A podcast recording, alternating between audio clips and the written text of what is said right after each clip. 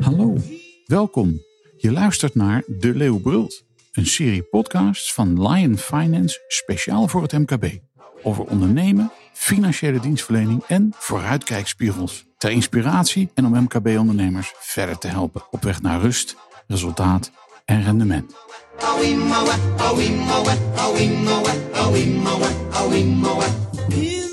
Fijn dat je luistert. Er is bijna geen MKB-ondernemer die er niet mee te maken heeft. De krapte op de arbeidsmarkt. Goede mensen zijn niet te vinden, hoor je overal. Maar is dat ook zo? Of moet je als MKB-ondernemer gewoon beter je best doen? Of moet je opnieuw naar je arbeidsvoorwaarden en je interne opleidingen kijken? Kortom, wat kun je als werkgever doen om de gevolgen van de krappe arbeidsmarkt het hoofd te bieden? In deze De Leeuw Brult praten we hierover met Marco Zevenbergen, partner van Lion Finance, en met HR-specialist Hans Verboon. Als HR-toucher actief voor Lion Finance en dagelijks adviseur van MKB-bedrijven. Marco en Hans, van harte welkom. Allereerst een vraag aan jou, Hans. Als je kijkt naar de Nederlandse arbeidsmarkt, voor de MKB-bedrijven dan met name, hè, want daar hebben we het op dit moment over. Hoe problematisch is die arbeidsmarkt wat jou betreft dan? Ik denk dat um, we te maken hebben met de schaarste op verschillende vlakken. En uh, is er daar inderdaad één van. Nou is het tegelijkertijd in welke conjunctuur dan ook um, altijd moeilijk om uh, goede talenten te vinden. En ik denk uiteindelijk dat dit, als we niet innovatief genoeg zijn, er wel voor kan zorgen dat de groei wat stagneert. En dan heb ik het over de economische groei, die mogelijk geremd kan worden door de, uh, de krapte op de arbeidsmarkt. Je zegt, in elk tijdsgevricht heb je een tekort aan goede mensen. Althans, een tekort aan goede mensen. Het is moeilijk om goede mensen te Het is altijd moeilijk om goede mensen te vinden. Ja, maar, maar nu ineens lijkt het alsof het, een, een, ja, alsof het ons overkomt. Dat, dat klinkt zo raar. Ja, ik denk alleen dat, hoewel er in de coronacrisis bepaalde uh, segmenten hard geraakt zijn, in algemene zin, um, de economie is door blijven groeien. Um, en daarmee nu uh, het allemaal uh, weer vrijkomt, er inderdaad een, een overvloed aan vacatures is. Marco, als ik daar gewoon tegenaan kijk, en ik ben ook maar een gewone krantenlezer, hè, dan, dan komt het op mij over alsof er ineens heel veel minder mensen in Nederland zijn. Oh, dat is helemaal niet zo.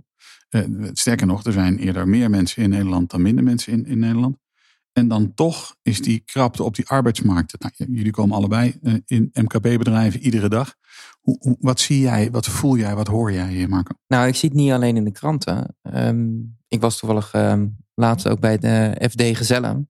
En daar zitten de, nou ja, zeg uh, 500 snelst groeiende bedrijven van, uh, van Nederland.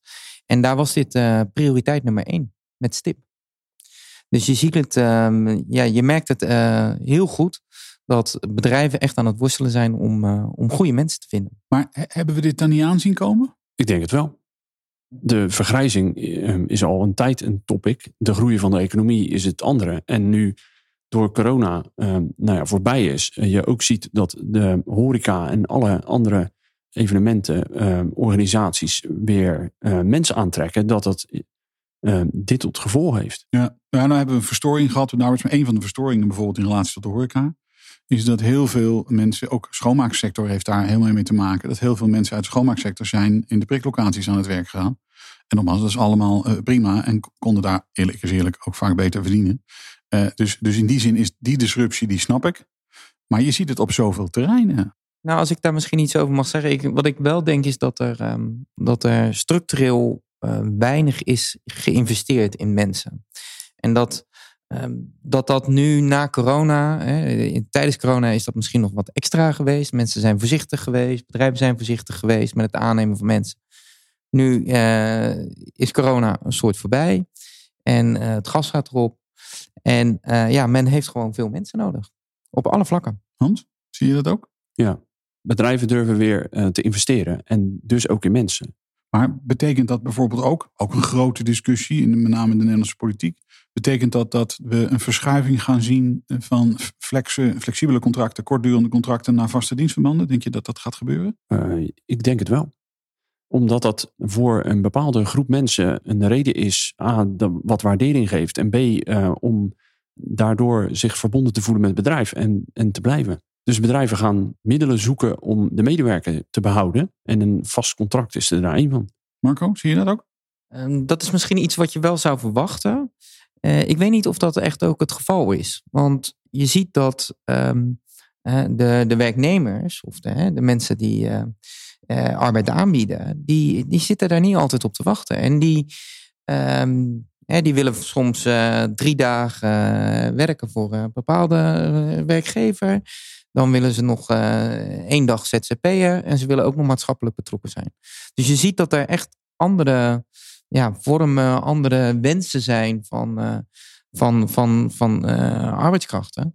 En dat betekent ook dus dat, uh, ja, dat contracten daarop aangepast zullen moeten gaan worden. Bovendien hoor ik ondernemers, maar ik wat, hoor graag wat jij ervan vindt, Hans. Of hoe jij dat ziet. Ik hoor MKB-ondernemers ook zeggen: ja, maar wacht eens even. Natuurlijk, die situatie is zoals die is. En het lijkt logisch dat die verschuiving gaat plaatsvinden, maar de risico's die ik als werkgever moet nemen om iemand in dienst te nemen, die zijn niet veranderd. En daarmee in een zich herstellende economie of een zich herstellende bedrijven, uh, ben ik nog steeds en misschien wel meer benauwd om mensen in vaste dienst te nemen dan in het verleden. Voel je dat ook? Of heb je, zeg je van joh, nou, die, die, die, die beelden die kom ik niet tegen? Ja, zeker. Die, het feit dat de overheid uh, nu een transitievergoeding eigenlijk op uh, vrijwel elke vertrekkende medewerker nou ja, verplicht, maakt dat uh, juist die, die verantwoordelijkheid enorm bij de werkgever uh, ligt. Dus het is inderdaad een, een precaire afweging. waarbij je, denk ik toch, um, even los van de invulling in het, in het aantal uur, dat ben ik met Marco eens. Hè, je ziet inderdaad een verschuiving van de invulling van arbeid. Maar denk ik wel dat je bij echt goede medewerkers sneller de keus zou kunnen maken om die vaste dienst te nemen. En, en, hebben jullie allebei het gevoel, dat is misschien een algemene vraag, maar dat dit maar weer bevestigt dat we als Nederland en als samenleving, als politiek, dat we een fundamentele discussie moeten voeren over de arbeidsmarkt, maar ook over arbeidscontracten en over de manier waarop die, die risico's op dit moment wel heel erg eenzijdig worden weggezet bij MKB-ondernemers, Marco? Nou ja, zeker. Omdat het, het maakt van een MKB-ondernemer best lastig. Want kijk, als je natuurlijk een, nou ja, een Shell bent of een, een KPN met duizenden werknemers, is anders als je, als je vijf tot tien mensen in, in, in dienst hebt. Dus je neemt best wel grote risico's. En het is ook in het belang van, van de gehele onderneming, ook van de alle andere ondernemers, dat je ook weer niet te veel risico's neemt. Ja, dan gaat de boel failliet. Ik heb wel eens het idee dat in de politiek men, want er zitten inmiddels heel weinig ondernemers in de politiek in Nederland, dat dat gevoel, die, dat risico van mensen die voor eigen rekening en risico werken, dat dat in, in de politieke discussie althans onvoldoende wordt, uh, wordt aangevoeld. Uh, Hans, is dat zo? Ja, ik heb die indruk ook. Um, het is wat dat betreft um, erg werknemersbeschermend. Uh, en uh, aan de ene kant goed, aan de andere kant, daardoor wordt de ondernemer wel eens uh, uit het oog verloren. Ik, ik heb al eens gezegd dat, dat het een beetje iets is wat in zijn eigen staart bijt. Want door die bescherming ontstaat er een situatie dat op een gegeven moment die bescherming zo groot wordt dat het doel, vaste contracten, dat dat uiteindelijk een te groot en te risicovolle aangelegenheid uh, wordt. Nou, dat hebben we in het verleden natuurlijk ook wel gezien hè, bij bepaalde branches uh, waarin uh, schilders massaal zijn verzelfstandigd. Terwijl zijn die nou echt ondernemer geworden? Nee, nee ze bouwen ook geen eigen pensioen op. ze verzekeren zich niet goed. Dus eigenlijk is het tegenovergestelde gebeurd van wat, wat, wat men voor ogen had. Hans, hoe zie jij dat? Ik ben het eens. Je, je ziet op dat moment dat het. Um, ze zijn zelfstandig geworden, maar um, hebben dat primair gedaan voor het geld. En niet voor het ondernemerschap. Even terug naar de krapte op de arbeidsmarkt. Je hebt het net al aangegeven, Hans. Ik zou zeggen wel eens in, in de wereld van de business, zeggen ze wel eens, bestaande klanten nog beter en dieper gaan bedienen is makkelijker dan nieuwe klanten vinden. Ik denk dat dat voor werknemers precies hetzelfde geldt. Hè? Is dat je met, door goede afspraken te maken met bestaande werknemers, eh, dat dat minstens zo belangrijk is als het creëren van een klimaat voor nieuwe. Ja, eens. Als je gaat kijken um, dat iemand die opzegt, heeft een maand opzegtermijn. Uh, tegelijkertijd op het moment dat je als uh, werkgever een nieuwe werknemer zoekt, uiteraard is dat afhankelijk van de beschikbaarheid, maar in deze arbeidsmarkt ben je er niet in een aantal maanden. Dat betekent dat je productieverlies hebt. Um, en dus ook minder verdient. Dus het is echt uh, in dit geval zaak om te kijken of je op deze manier uh, je medewerker kan behouden. En daarnaast kost het natuurlijk ook nog gewoon tijd voordat iemand goed is ingewerkt. En voordat iemand echt volledig productief is. Precies. Met andere woorden, als we het in, in een prioriteitenlijstje moeten maken, is prioriteit 1 is met je bestaande medewerkers op een hele goede en moderne manier omgaan, zodat ze blij zijn en blijven. En in tweede zin pas kijken naar, uh, bij groei moet dat sowieso, maar dat je kijkt naar het aantrekken van nieuwe mensen. Ja, eens um, weet wat je medewerker drijft en, en of um, zijn of haar ambitie in lijn ligt met de ambitie van het bedrijf. En weet ook wat voor arbeidsvoorwaarden die medewerker uh, belangrijk vindt. Dat wil niet zeggen dat je daar altijd naar moet luisteren of altijd daarop in moet spelen. Maar als je het weet, dan kan je daar wel een afweging maken.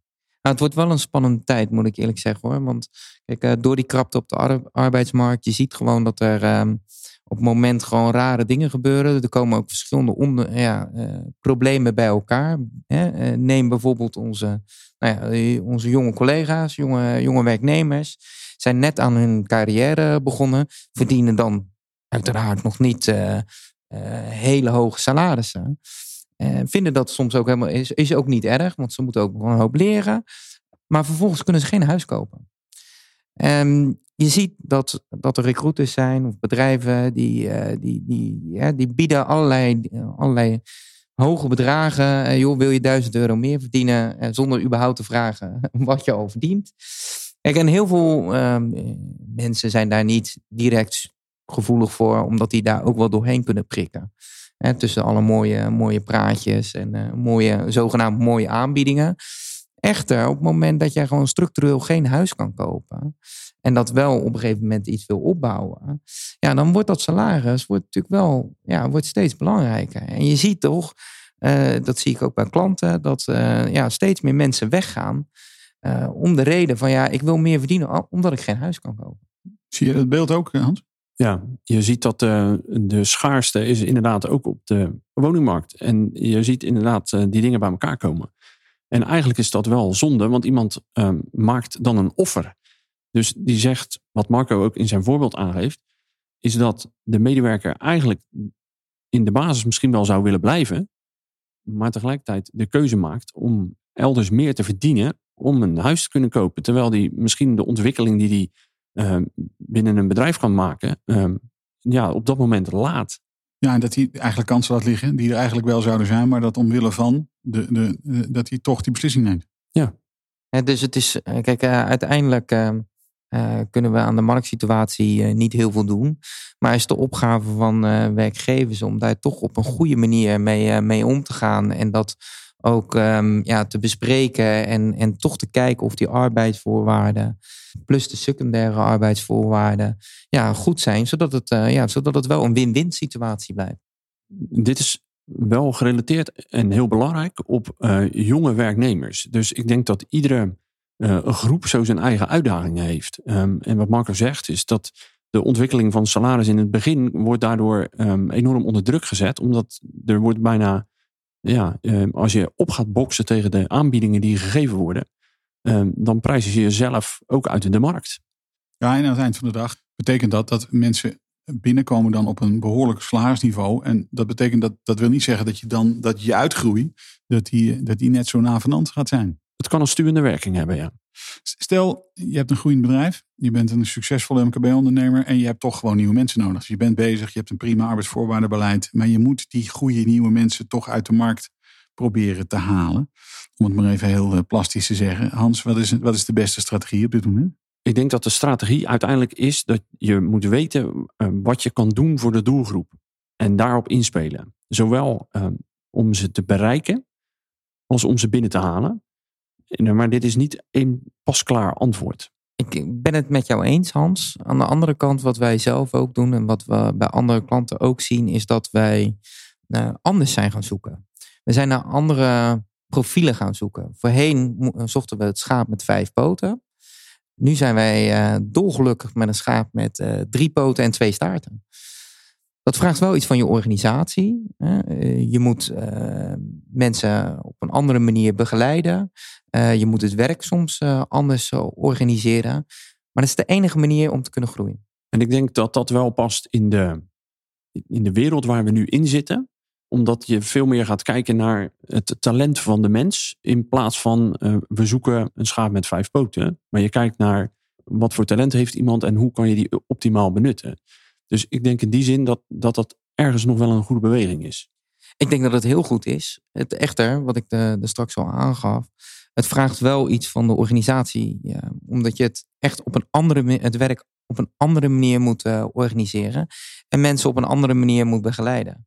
En dat is niet erg, maar het, ja, het is wel iets wat je dan ook echt moet doen. Want anders, ja, anders gaat het niet werken. En dan zie ik twee dingen bij elkaar komen. Hè? Wat jij zegt, Marco, je moet bereid zijn om goed naar je organisatie te kijken en desnoods de aanpassingen te doen. Wat jij zegt, Hans, van eigenlijk je moet je doelgroep heel goed kennen. Je moet heel goed weten wie er, eh, wat voor type mensen er rondlopen. En dat je probeert die twee dan op elkaar te, te lijmen, zou ik maar zeggen. En dan zie je vanzelf uh, waar je effecten uh, zijn. Is dat een beetje een. Is dat dan eigenlijk een strategie die in deze tijd. Niks, er is, geen, er is geen pleister voor alle wonden. Zo werkt dat dan helemaal. Maar zou dat een strategie kunnen zijn die je kunt gebruiken? Zeker. Oké, okay, nou dan hoop ik dat iedereen die luistert, dat die daar wat aan, aan heeft. Hans, ehm, Marco, heel erg veel dank voor dat jullie over dit onderwerp hebben mee willen praten. Graag gedaan. Graag gedaan. Dit was hem weer voor vandaag. Mede namens Hans Verboon en Marco Zevenbergen, bedankt voor het luisteren. Mijn naam is Koos Woltjes en tot een volgende keer.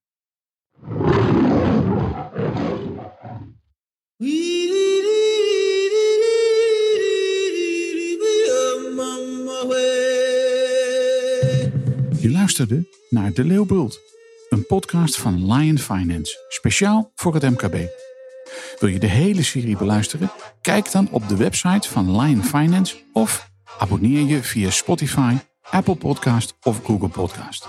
Binnenkort is er weer een aflevering. Tot dan.